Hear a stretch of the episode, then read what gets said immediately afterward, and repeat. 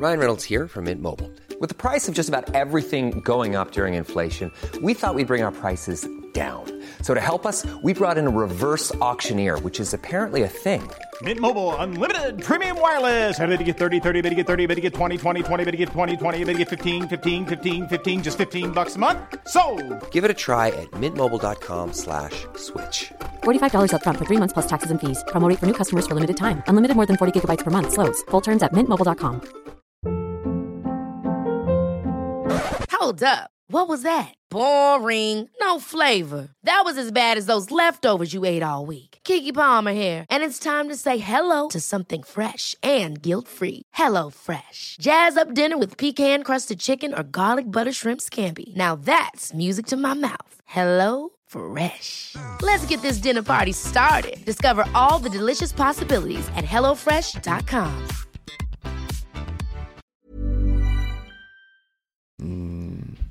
Hej alla goa lyssnare och hjärtligt välkomna till ett helt nytt avsnitt av Modellen Och en helt ny säsong! Inte välkomna till, välkomna tillbaka till. Välkomna tillbaka till en helt ny säsong av Modellen Ja, exakt. Det är alltså våran nya jingel. Usch vad hemskt det hade varit om det Kan var du det. springa nu? Ja! Annars blir du bra. mördad. Ny jingel. Nej. Nej. Våran jingel är superpoppis Ja, ju. den är jättebra. Den är Det är faktiskt många jättebra. som gillar den. Man ska, inte, man ska inte pilla på ett fungerande koncept. Anton och Pontus, puss på er, ni är jättebra. Tillbaka från semestern. Ja, Ha, har alla haft semester? japp. Ja, Ja. men du vet ju. Men vänta, innan vi, börjar, innan vi börjar prata om semestrar så skulle jag bara vilja säga att det är samma gamla rövgäng. Och jag heter Rebecka. Jag heter Linnea. Jag heter Tor. Jag heter Moa. Ja. Åken är med också. Åke är här. Kanske Poddvovve. skäller. Ja, Det är precis Det. som vanligt. Får lite déjà vu. eller hur? Nej men ska vi dra lite så eh, sommar, ska vi prata om något vi har gjort i sommar kanske? Sommarens höjdpunkt. Ja, ett roligt, ett semesterminne får man var. Oj. Svårt. Då vill inte jag börja. Men man kan väl säga en rolig grej och en tråkig grej då, som man har gjort under Oj, sommaren. okej. Mm. Ja. Tor, du får börja.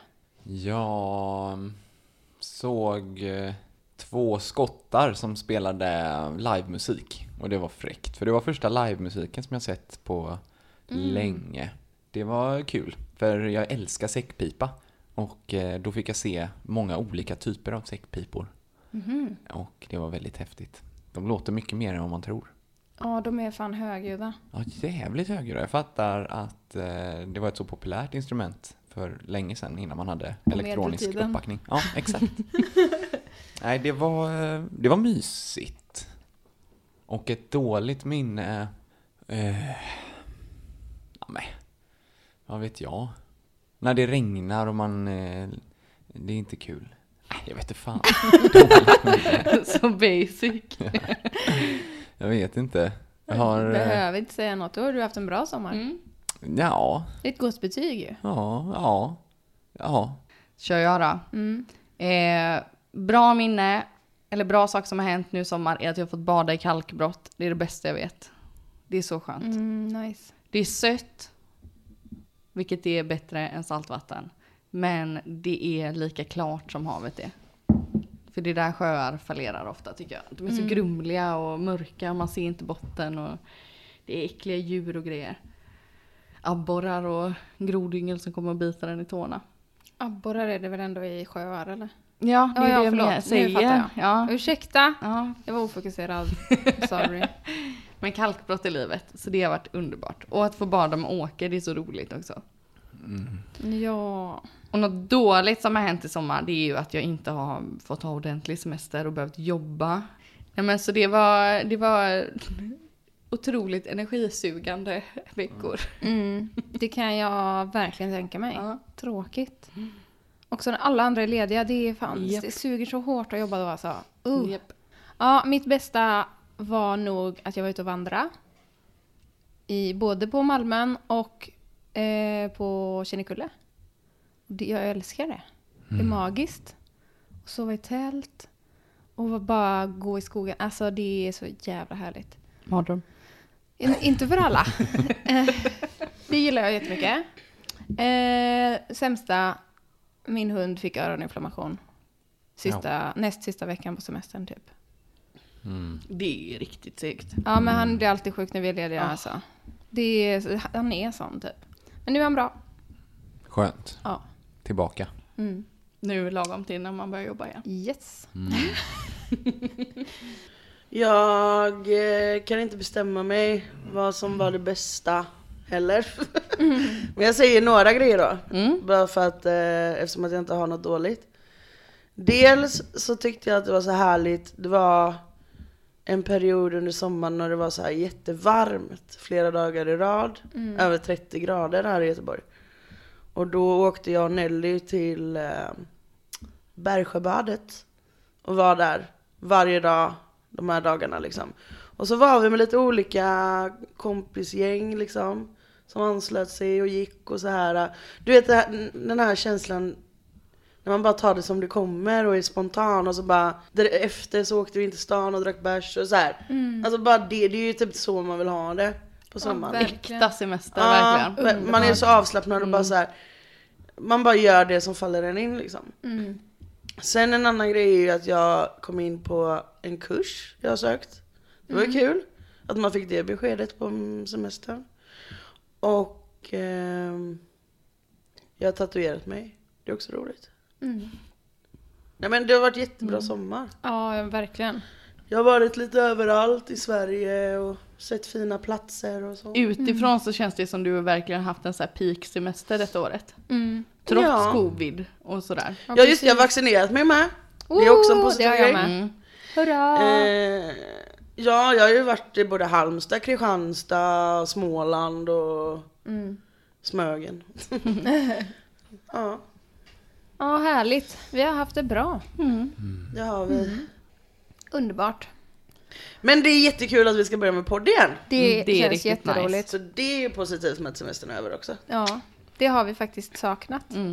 Ja, alltså för mycket. Jag trodde inte jag skulle sakna det så mycket ändå. Det trodde inte jag heller. Jag trodde, alltså första veckorna tyckte jag att det var typ skönt med en paus.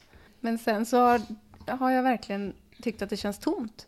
Nej men eh, som ni kanske har sett så har det ju kommit ut några Mord eller Myt Mini dock. Ja, Men ni får kommentera mer. Ja. det Det är ju faktiskt göra. jätteroligt att veta vad ni gissar. Ja, Det är ju inte bara kul att vi ska gissa hela tiden. fast det är Ni ju får också göra lite. lite Nej, sent på den uppmaningen för nu är det liksom, nu har vi släppt alla.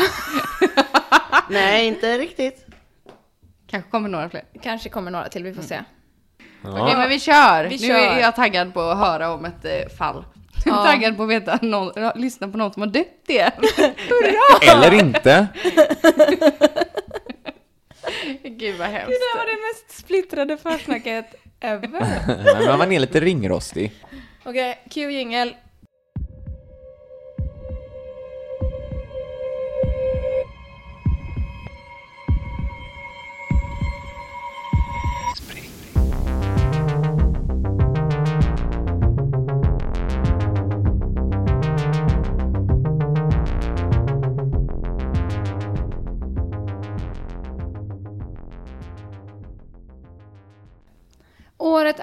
1980 och vi befinner oss i Texas.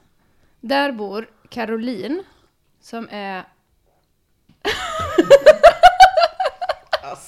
Förlåt, det var varmt. Så såg skamsen ut!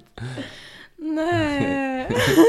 Caroline från Texas 1980. Ja, exakt. Caroline är då veckans huvudperson. Eh, hon är en typisk amerikansk housewife. Ja.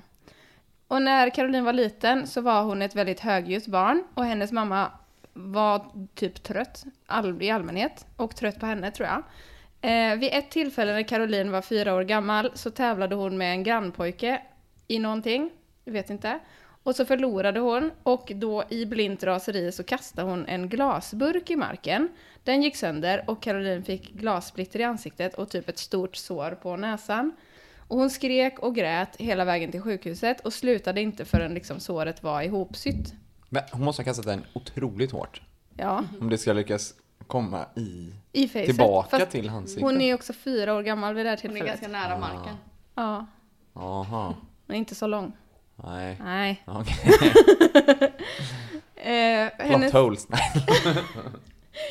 Eh, hennes mamma valde då att istället för att trösta sitt barn lägga sitt finger över hennes lilla barnmun och hyscha henne med uppmaningen Vad ska människorna i väntrummet tänka när de hör dig skrika så här? Nej. Så ni fattar, ingen toppenrelation. Fan vilken trött mamma. Ja, ja visst. Ehm, Carolines mammas beteende ledde till att Caroline slutade visa sina känslor. Hon blev besatt av hur hon framstådde, heter det så? Framstod. Fram, framstod, tack. Jag såg att det var röd eh, markerat. Framstod. Och vad folk tyckte om henne. Eh, när hon inte fick den bekräftelsen som hon saknade från sin mamma så började hon istället kräva den av jämnåriga pojkar. När Caroline var 16 år fick hon lov av sin mamma att börja dejta. Och när hennes tonårskärlek försökte fria satte hennes mamma stopp för det. Vilket var första gången Caroline höll med sin mamma, för hon hade inget intresse av att gifta sig med den här unge mannen. Eh, när Caroline var 20 flyttade hon hemifrån och var då helt inställd på att hitta en make. Hon började dejta en massa olika män, men hon tyckte att de inte riktigt mötte hennes förväntningar. Till slut så träffade hon en man som jag kommer kalla för Per. Eh, en blyg ingenjör som inte riktigt visste hur han skulle bete sig. Pers mamma jobbade på samma jobb som Caroline och den här mamman liksom fixar ihop dem på en blind date typ. Carolines, det här tycker jag är, eh, låter som ett skämt, men det här är alltså eh, inte ett skämt. Carolines högsta dröm var att vara hemmafru och ha barn och bo på en gård. Det var alltså det hon, det var det hon ville helst av allt i Men hela det världen. är nog många som vill det. Men det är så långt ifrån eh, vad jag känner att jag vill. Så att jag Ja, samma här. Svårt Men att förstå det. um, Caroline har i efterhand beskrivit de två första dejterna med Per som otroligt tråkiga. När han ber henne om en tredje dejt så säger hon åt honom att ja, men du kan väl ringa och så kan vi bestämma sen. Och när han sen ringer henne så svarar hon inte. Eh, Eftersom han är en väldigt blåögd och naiv ung man så antar han att någonting måste ha hänt. Och det är därför hon inte svarar. Tönt. Verkligen. Så, ja. Eh, dundertönt. Så han skickar henne ett dussin röda rosor och ett litet kort. Och är typ så, hoppas allt är bra. Och då blir Caroline jätteglad. För det, hon älskar det. Alla vet ju att tjejer älskar rosor. Ja, precis. Spelar ingen roll om du är tråkig. eh, hon blir så glad att hon faktiskt ringer upp honom och tackar för blommorna och hälsningen och berättar att ingenting särskilt har hänt. Liksom. Eh, men innan de hinner ha sin nästa dejt så dör Pers farbror som var som en pappa för honom. Då delar han med sig av alla sina tankar och känslor och sin sorg till Caroline på deras nästa dejt. Och när han liksom öppnar upp sig så och hon får se en annan sida av honom så blir hon stört Så blev han roligare. Då blev han mycket mer intressant. Han fick en annan dimension, om ni vet sådär. Eh, några dagar senare pratar hon med en vän och berättar att hon har träffat mannen som hon ska gifta sig med. Och den här vännen frågar då, ah vad spännande, vad heter din blivande make? Varpå Caroline svarar, jag vet inte. Jag tror han hette typ Pierre. hon, har alltså inte ens, hon har ju alltså inte ens lagt hans namn på minnet, så tråkig var han. Mm. Eh, Caroline tycker egentligen inte att Per är särskilt snygg. Det finns inte så mycket liksom, sexuell attraktion mellan dem. Däremot är han snäll och vänlig och tjänar bra pengar. Vilket gör honom till husband material. Och de håller på att dejta lite och skickar kärleksbrev till varandra. Och efter att de har gjort det i två månader så förlovar de sig. Och två månader senare är de gifta. Så Caroline och Per är nu gifta och inte långt därefter, i början av 70-talet, får de två barn. Caroline är då jättenöjd med sitt familjeliv och väljer att sterilisera sig för hon vill inte ha fler barn liksom. Eh, och 1977, när Caroline är 27 år gammal, så har de råd att köpa ett riktigt fint hus med så här white picket fence. Eh, och där de, där de då flyttar in med sina två barn. Eh, I det här området där de bor så börjar de gå i kyrkan med sina barn och engagerar sig jättemycket i församlingen. Trots att de egentligen inte har någon så tro eller övertygelse eh, själva liksom. Men Caroline blir då den perfekta kristna Texas hemmafrun. Hon har fått allt hon vill ha, men när hon blir 28 år gammal, alltså när, ett år senare, så blir hon uttråkad. Och då börjar hon fundera på hur hennes liv hade sett ut om hon istället hade gått på college, skaffat sig en karriär, väntat lite med att gifta sig. Hon börjar också fundera på om hon faktiskt har valt rätt make. Och Per är inte särskilt engagerad i hennes liv, för han jobbar jättemycket. För hon jobbar ju inte. Så de behöver ju leva på hans inkomst. Så han jobbar hela tiden och när han kommer hem så är han trött. Och inte så intresserad av att höra vad alla de andra mammorna i kyrkan har pratat om under dagen. Liksom. Så deras relation saknar passion och entusiasm under den här tiden. Genom kyrkan lär Caroline känna en man som jag kallar för Albert. Han är också gift med en kvinna som jag kallar för Berit. Och han gillar Caroline jättemycket. Och hon gillar uppmärksamheten som hon får av honom. Och de bestämmer sig för att starta en affär med varandra. Albert och Caroline. Berit, som Albert är gift med, är en väldigt sträng och fyrkantig kvinna. Hon har svårt att hitta vänner trots att hon har försökt mycket genom kyrkan. Ehm, och det är liksom, hon är inte nödvändigtvis otrevlig, men hon är inte sådär varm och inbjudande heller. Ehm, så Albert och Caroline kommer då, på, kommer då överens om att de ska ha en affär, trots att de båda har någorlunda hälsosamma relationer. Första gången de träffas då, Albert och Caroline, så blir Caroline lite besviken. För sexet är inte vad hon hade hoppats på. Hon hade väl sett framför sig att det skulle vara sådär jättespännande. Och så var det kanske inte det. Eh, men affären ger ändå lite spänning i vardagen, i alla fall till en början. De träffas när Albert, Albert har sin lunch. De pratar lite skit om folk i kyrkan, pratar om sina äktenskap och ligger. Och till slut blir ju även detta en rutin. Så de blir som liksom gifta också. Lunchtidsgifta. Ja, det som hon försöker fly ifrån genom att träffa Albert får hon med Albert också. Eh, så Caroline är missnöjd. Sen blir Alberts fru Berit gravid och då bestämmer de sig för att de ska pausa sin affär. För Berit, anledningen till att Albert avslutar relationen är inte för att Berit blir gravid, utan för att hon får någon slags förlossningsdepression eller så. Eh, hon mår jättedåligt, hon känner sig ensam, eh, utesluten och liksom deprimerad efter att hon har fått det här barnet då. Och väldigt så här, hon går verkligen bara hemma och tar hand om det här barnet och har inget liksom annat sammanhang. Så hon mår inte bra. Sen när barnet är fött och Berit verkar må lite bättre, då återupptar Caroline och Albert sin relation igen. När, ja, Caroline är ju rätt uttråkad och Albert skäms. Men de fortsätter ändå med sina lunchknull. En kväll efter att Albert och Berits barn har somnat så försöker Berit liksom inleda lite sex med Albert. Typ så, flörta lite. Hon har tagit på sig någon fin... Lingerie. Negligé. Ja. Negligé. Exakt. eh, men Albert, som har spenderat sin lunchrast med Caroline, känner sig liksom utpumpad och säger då nej. Och sårar Berit ordentligt. För hon tror då att han inte tycker att hon är attraktiv efter sin graviditet. Eh, så hon blir jätteledsen och då bestämmer sig Albert att nej, nu får vi avsluta den här relationen, affären, som han har med Caroline på riktigt.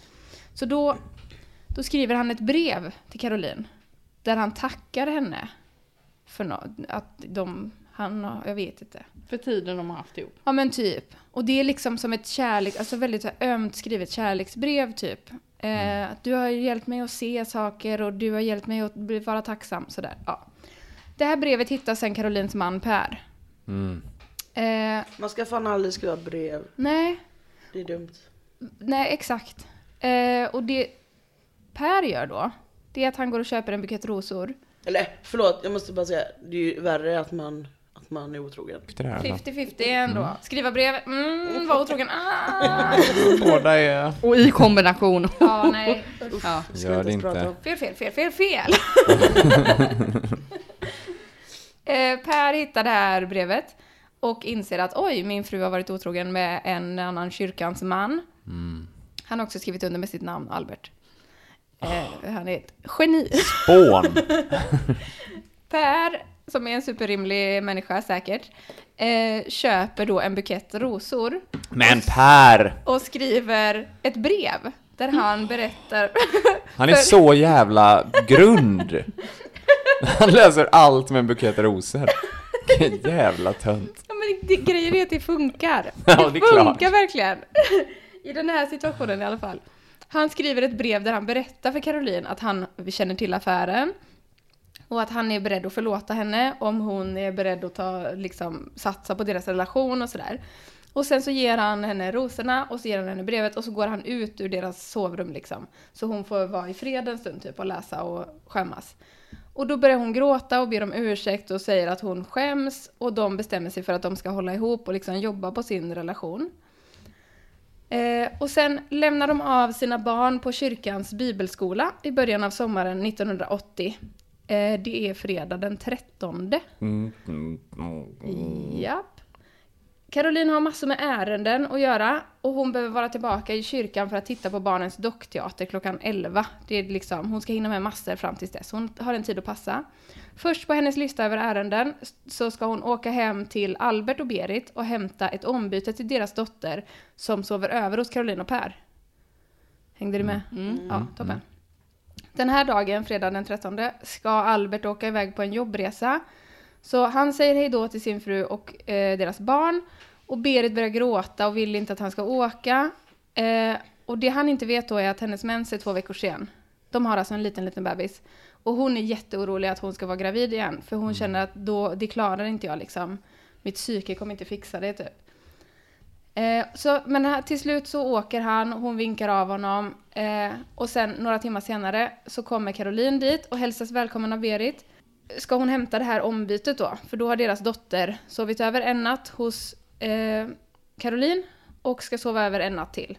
För Carolines barn och Berits barn är jättebra kompisar. Så hon åker då hem till Berit och sen vet vi inte riktigt vad som hände. En del av det som Caroline senare kommer att berätta stämmer överens med den tekniska bevisningen. Men utan Berits redogörelse kommer vi aldrig få veta vad som faktiskt hände fredag den 13 juni 1980. Enligt Caroline går det till så här. De sätter sig i vardagsrummet och Berit frågar helt enkelt Caroline rakt ut. Har du en affär med Albert? Varpå Caroline svarar nej. Och Berit frågar, har ni haft en affär? Och Caroline kan inte ljuga för hon tycker synd om Berit. Så hon säger ja. Berit blir då väldigt upprörd och lämnar rummet. Och Caroline sitter kvar och väntar. När Berit kommer tillbaka in i rummet där Caroline sitter har hon en stor yxa i händerna. Och så säger hon, du kan inte få Albert. Och Caroline försöker lugna henne och säger, jag vill inte ha Albert. Eh, den här affären är slut, det var ett misstag. Jag är inte intresserad av att stjäla honom från dig och sådär. Och hon lyckas lugna ner Berit liksom, som lägger ner yxan. Caroline försöker då lugnt och stilla ta sig ut ur huset för att inte bli yxmördad. Eh, men då händer det någonting med Berit, för hennes liksom blick ändras från raseri till sorg. Eh, Caroline får dåligt samvete och lägger sin hand på Berits axel och säger förlåt. Alltså så, tittar henne i ögonen och bara I'm sorry, det var inte meningen liksom. Och då blir Berit tokig. Hon knuffar in Caroline i ett förråd, hon tar upp yxan och svingar den mot Caroline.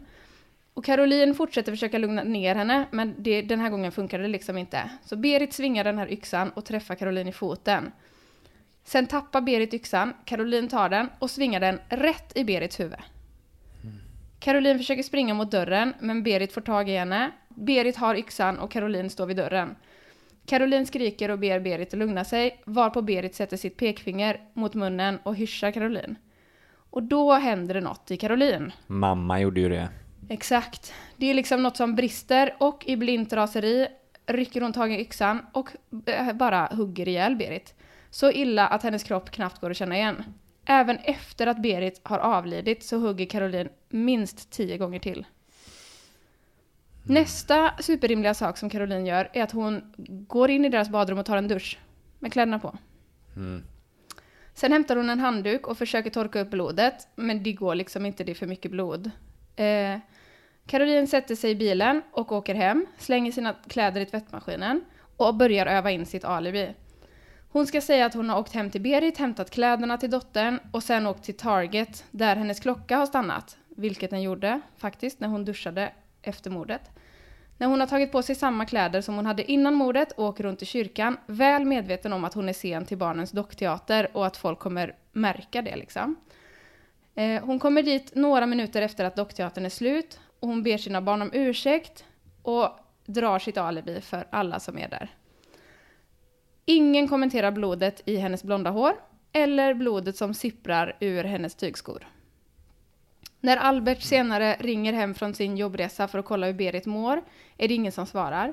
När han har ringt 15 gånger ringer han istället en granne för att be henne titta till Berit. Grannen tittar först bara då att bilen står på uppfarten och säger att Berit är hemma. En orolig Albert ringer då till Caroline för att få tröst. Eh, och sen ringer han till Caroline igen lite senare och berättar att grannarna har hittat Berit och att hon är död. Han berättar då också att grannarna tror att Berit har skjutit sig själv. Alltså begått självmord. Polisen kommer dit och upptäcker snabbt den här yxan. För den står kvar med fingeravtryck på och allting. Polisen drar snabbt några riktigt knasiga slutsatser. Det är fredag den 13. Berit och Alberts hus är det 13 från hörnet av gatan. En tidning ligger uppvikt i köket och på den sidan som ligger uppvikt finns en recension av Stanley Kubricks nya film The Shining. Det verkar också ha gått 13 timmar från det att Berit dog till att hennes kropp hittas. Polisen märker också rätt snabbt att mördaren inte verkar bry sig ett skit om att liksom cover their tracks. De hittar mördarens blod, hår, fingeravtryck och skoavtryck.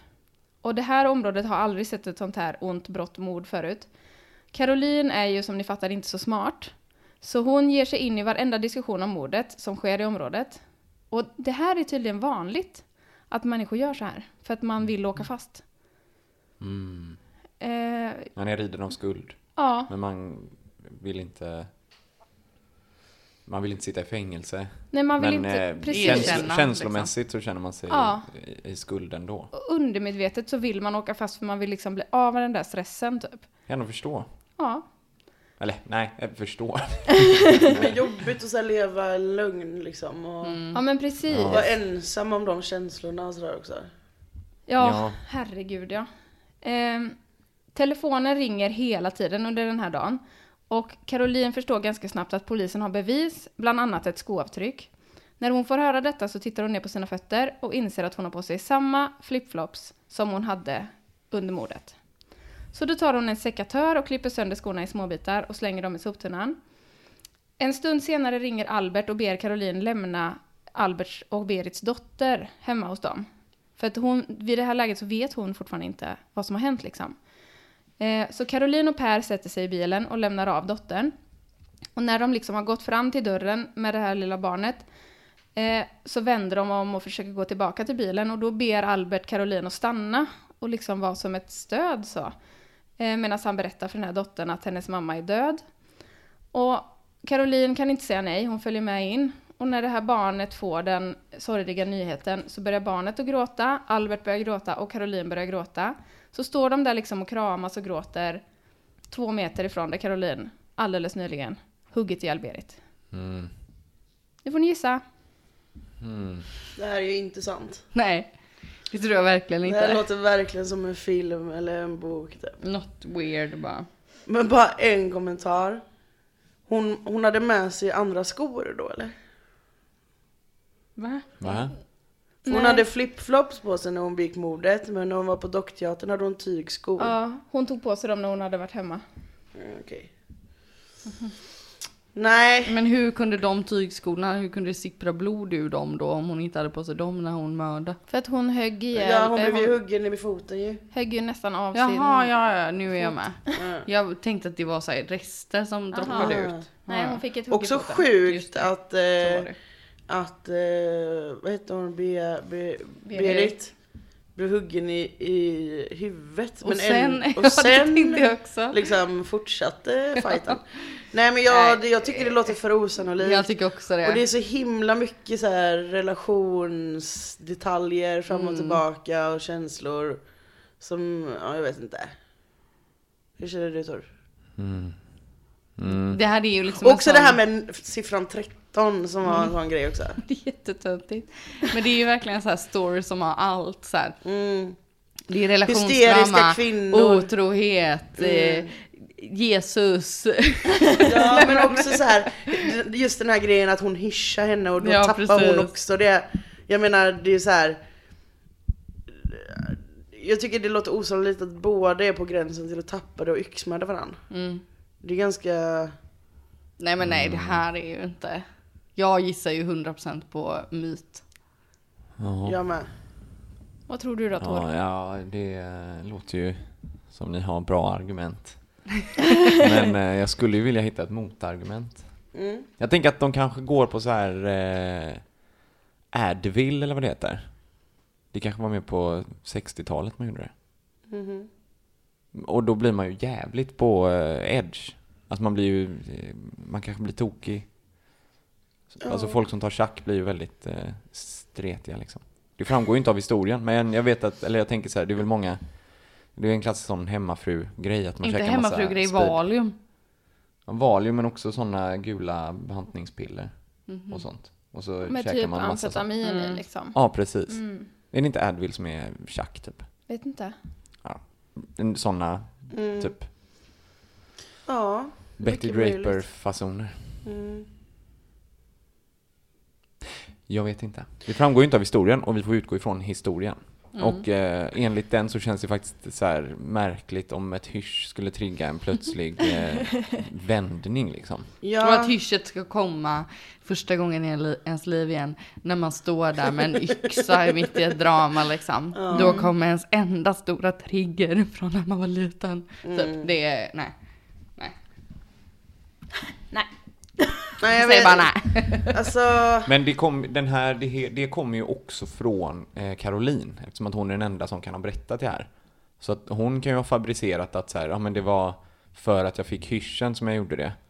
Ehm, och Ja, inte, sant. alltså så här, egentligen kanske det var att eh, hon, eh, hon har tyckt att Berit har varit så jävla oskön på, eh, vad heter det, gudstjänsterna de senaste tio åren så att eh, hon ska fan dö den jäveln. Men det är ju också en väldigt fyndig detalj i en film. Ja, Att hyschet kommer igen liksom. verkligen.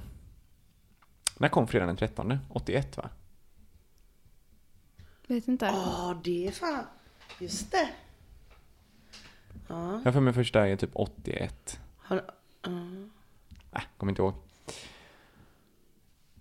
Ehm, Vad gissar Nej. du på då? nej, jag vet inte, jag försöker bara hitta lite motargument. För, Men eh, du kan ju säga mord för jag ni är ändå eniga om det så det Ja, blir ut ändå. precis. Ja, att jag tror ni är precis. eniga alla tre. Ja. det känns ju så va? Men det är ändå starkt av dig Tor att du försöker skapa content. Jag Mm. uppskattar det. Man måste ju ändå underhålla. Det är ju eh, därför jag sitter här nu. Men myt i alla fall. Ja, Ja. ni säger myt. Ja. Fel, fel, fel, fel, Va? fel. Nej. Va? Fast jag sa ju mord. Nej, ni- du, uttalar aldrig orden, ni- jag säger mord. Ni satte orden i munnen. Ja. Så jag ett poäng till mig på den här säsongen. 1-0 till Tor. Det här är ett mord, ja. Eh, anledningen till att det känns så himla fabricerat är antagligen för att det som Caroline då sen säger till polisen med största sannolikhet inte är sant. Mm. Men Precis som du sa, hon har antagligen, det var antagligen något annat som hände. Liksom. Eh, men vi kommer in i det alltihopa här. Eh, den här historien handlar om 30-åriga Candy Montgomery.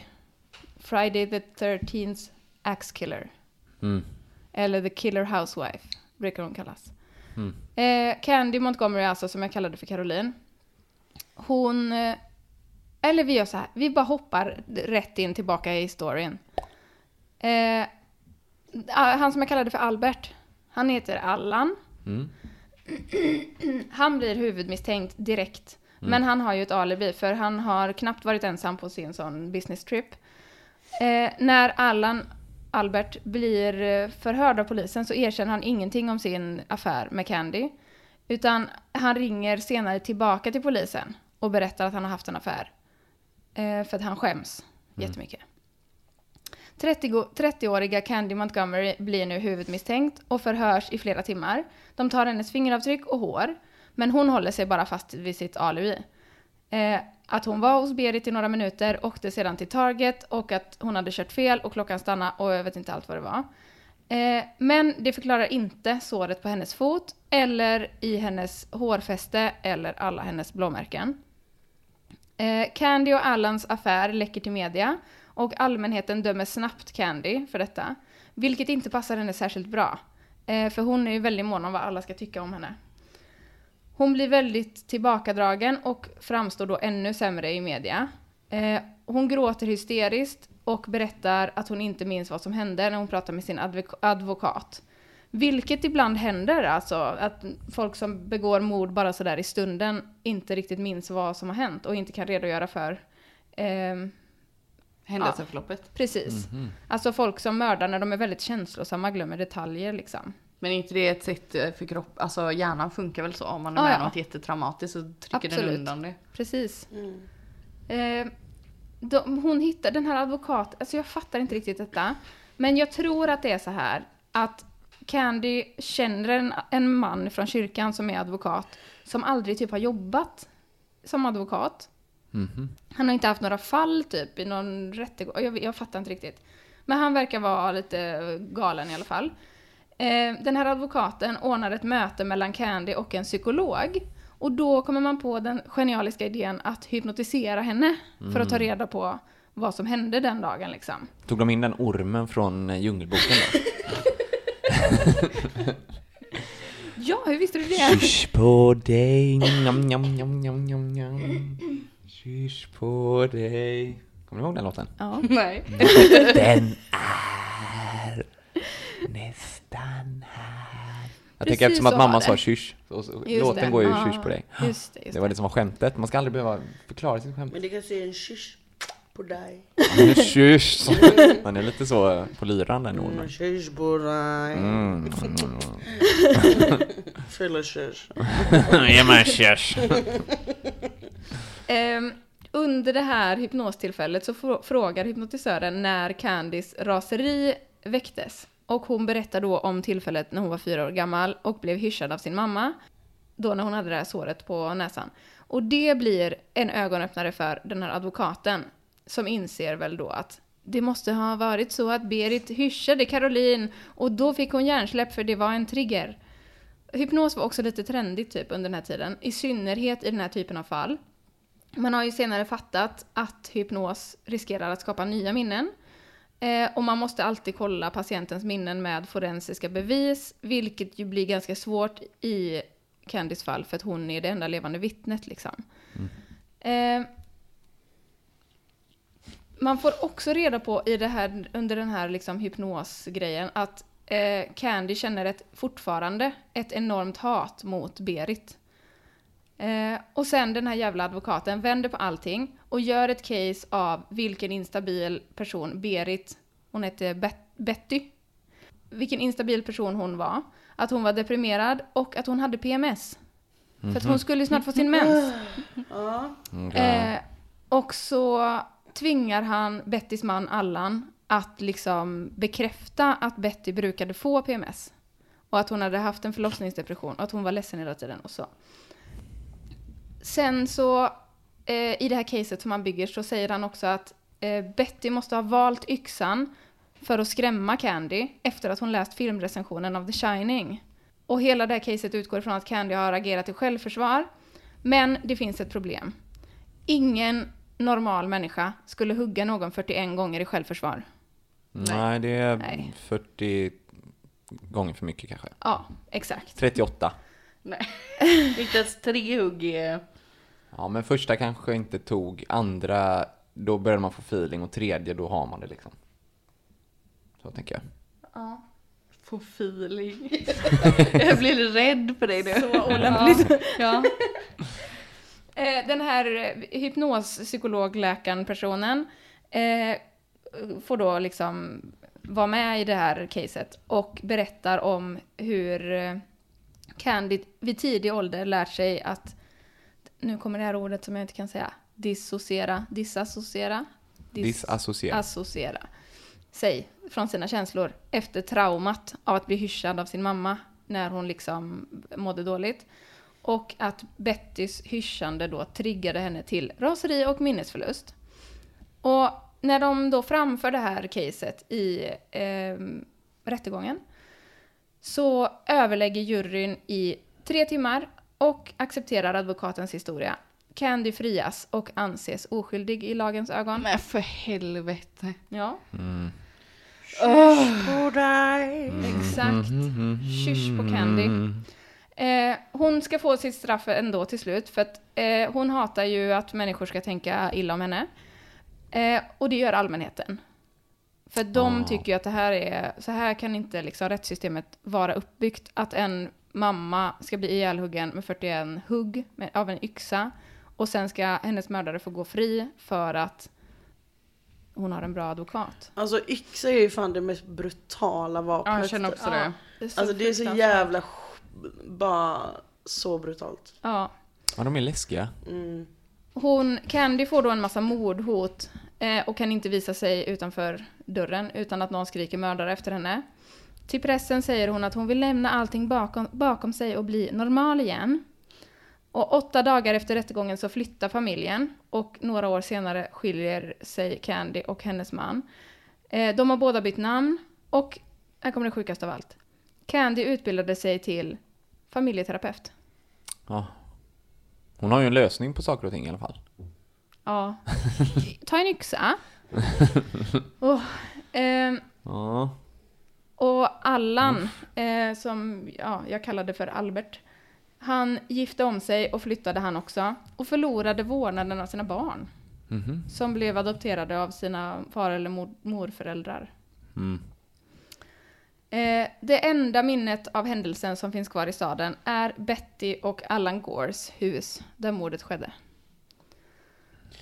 Men allt det där som polisen såg var sant då? Det här med, med siffran 13. Ja, alltså det var Det är väldigt... så konstigt att göra det till Ja. en grej liksom. Nej men de började Samband, spekulera... Sådana samband kan man ju hitta överallt om Ja, man bara visst. letar efter det. De började Ja. spekulera i att det skulle vara någon så ritual satanistmord typ. Men de vill ju alltid att Ja, det ska vara det. Det kan, ger ju en, en liten boost i karriären också. Ja. och Sådär.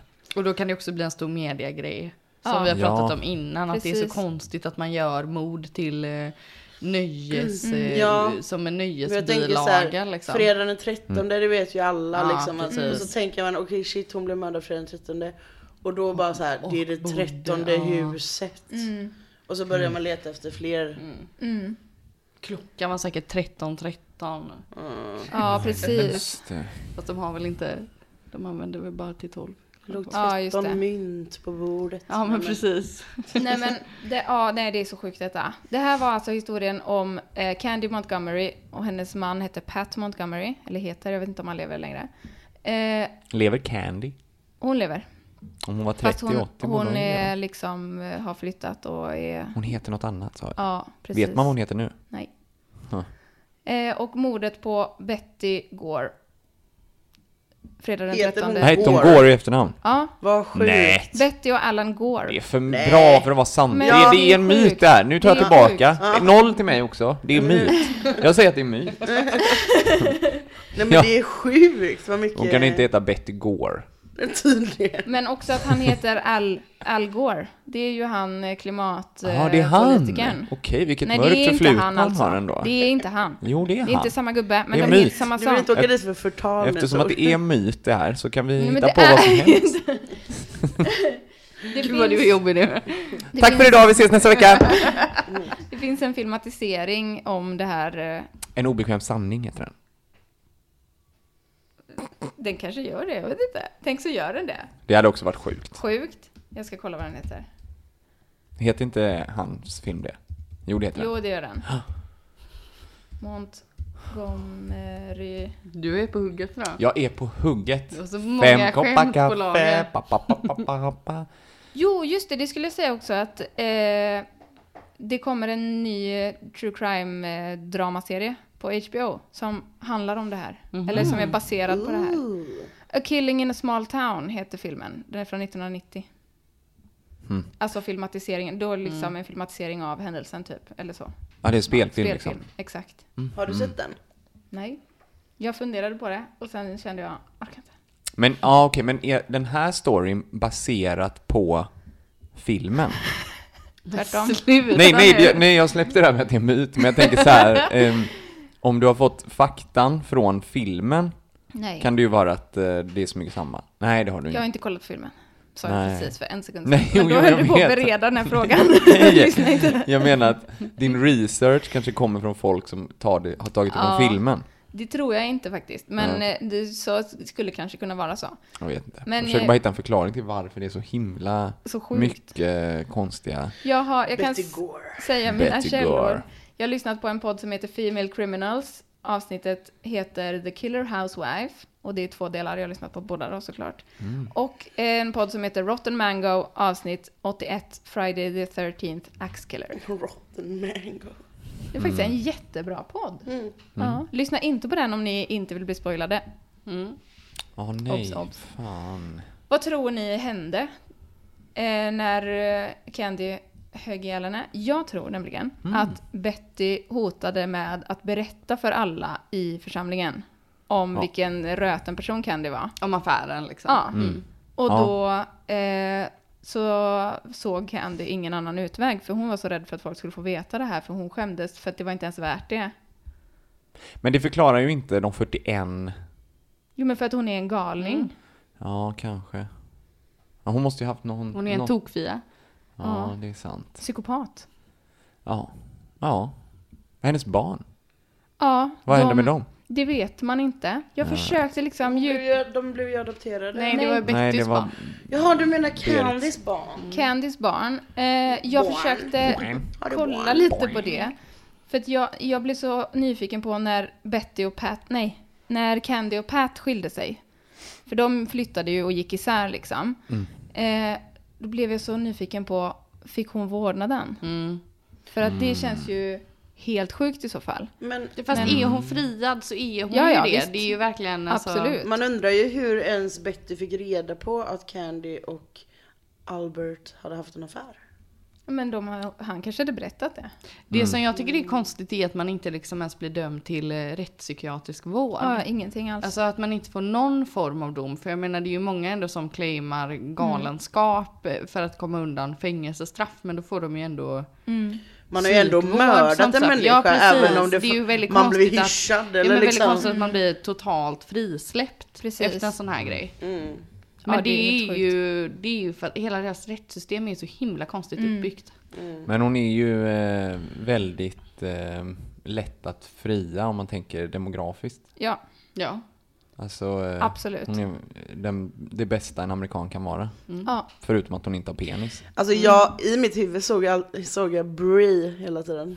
Van de Camp från Ja, eh, Desperate just det. Housewives. Jag såg bara Betty Draper. N- När hon pratade om att hon var en housewife så tänkte jag direkt fann, på- jag såg också en uh, Desperate Housewives karaktär framför mig. Men jag såg ju hon som är tillsammans med eh, han galningen. Som är... Som Pappa till en galen son. Det är många galningar med Ja men han, nej, men han som är i, från starten gift med eh, hon som har berättarrösten som tar livet av sig. Ja, han som har en galen son. Ja, han som har en galen son och Just allting. Young, Paul Young. Just han är tillsammans Young. med en som han har mördat systerdotter är han gift med. I den säsongen som jag håller på att kolla på just nu. Och hon är ju också lite tokig. Men verkligen så här Vem är det då? tillbakadragen, Fattar försiktig. Inte, kommer inte ihåg. Vem Hon är väl en liten blond, jag kommer inte ihåg vad hon heter. Men henne såg jag i alla fall framför mig. Ja men alltså det här är så sjukt. Mm. Det här är så Ja, sjukt. det, jag blev faktiskt jättechockad när Ja. du sa att det var, hade hänt på riktigt. Eller hur? Mm. Jag kommer googla sönder det här efter. Ja alltså. Och att jag aldrig hört talas om det här. Nej för det finns, det fanns typ Det inte så sjukt. mycket. Jag försökte liksom, jag brukar ju alltid kolla Wikipedia. Mm. För där finns det ju alltid källor och då kan man liksom ta sig vidare. Mm. Men hittar ingenting. Mm. Men också för att när hon blev friad så var det mycket som blev preskriberat. Mm. Eh, och sen eftersom hon liksom bytte identitet, hennes barn fick skyddad identitet och sådär. Så tror jag att det är ganska mycket som har liksom försvunnit och som inte eh, finns att hitta på nätet. Såklart. Man är rädd för förtal och sånt. Man Mm. vågar inte publicera. Hon har säkert pengar liksom. Mm. Men jag tänker att barnen kanske kan eh, sitta på en... Eh, alltså lite mer... Om man vill bygga en eh, gärningsmannaprofil kring Ja. henne. Att så här, Ja, hur har deras, alltså- det måste ju ha, om hon är psykopat måste ju ändå det ha märkts Exakt. lite under deras uppväxt typ. Det eller har det sådär. säkert gjort. Ja, på ett eller annat sätt. Men jag tror, blir man inte helt förstörd i skallen om man när man blir tillräckligt stor för att förstå att min mamma mördade min bästa kompis mamma. Japp. Också typ nästan jobbigare att mamma inte fick sitta i eh, Ja. finkan för det. Mm. Precis. Att man vet, alltså man måste ju få en sån jävla distrust till det samhället man bor i när man Mm. vet att så här, okej man kan, man kan yxmörda någon och så bara byta stad och fortsätta någon Mm. annanstans liksom. Ja, nej men det är, jag vet inte. Det är så sjukt. Ja, Det är så sjukt. det är eh, jättekonstigt egentligen. Ja. Ja, Ja, men eh, världen är en märklig plats. det kan man säga du. Häng med oss på nya äventyr i nästa avsnitt. Och ta en kyss. Ta en kyss. Ta en kyss. Nej. Shush. Shush. Kyss på er. Shush på alla. Vi säger tack och hej. Puss och kram. Leverpastej. Banan. Gött att vara tillbaka! Ja! Alltså så kul. Hörs nästa vecka. Hej! Ha det bra.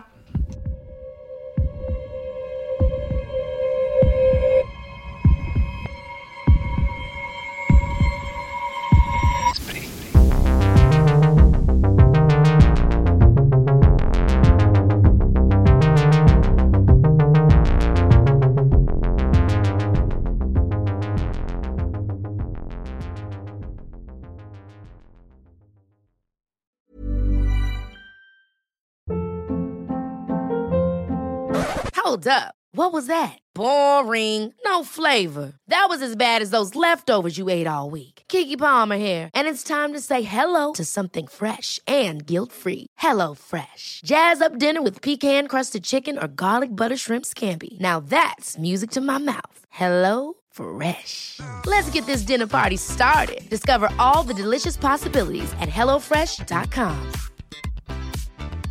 Even when we're on a budget, we still deserve nice things. Quince is a place to scoop up stunning high-end goods for 50 to 80% less than similar brands. They have buttery soft cashmere sweaters starting at $50, luxurious Italian leather bags, and so much more. Plus, Quince only works with factories that use safe, ethical, and responsible manufacturing. Get the high-end goods you'll love without the high price tag with Quince. Go to quince.com slash style for free shipping and 365-day returns. Acast anbefaler. Mit navn er Anders Morgenthaler. Over for mig sidder Roald Bergmann. Vi har lavet en ny podcast, der hedder Dopaminklubben. Og Dopaminklubben er en klub, hvor ADHD er fucking sjovt, og hvor det griner. Det behøver ikke at være super alvorligt. Vi er skide trætte af alle de der podcasts, der forklarer mig nederen der. Vi gør grin med vores ADHD. Mulig ADHD. Ja, vi udreder mig, fordi nogen siger, at jeg har det. Jeg ved det ikke rigtigt, det finder vi ud af. Vi har i hvert fald lavet vedmål. Ind og lyt til Dopaminklubben. Hver uge udkommer vi. Der laver vi sjov og spas med at have den her vidunderlige dopaminmangel.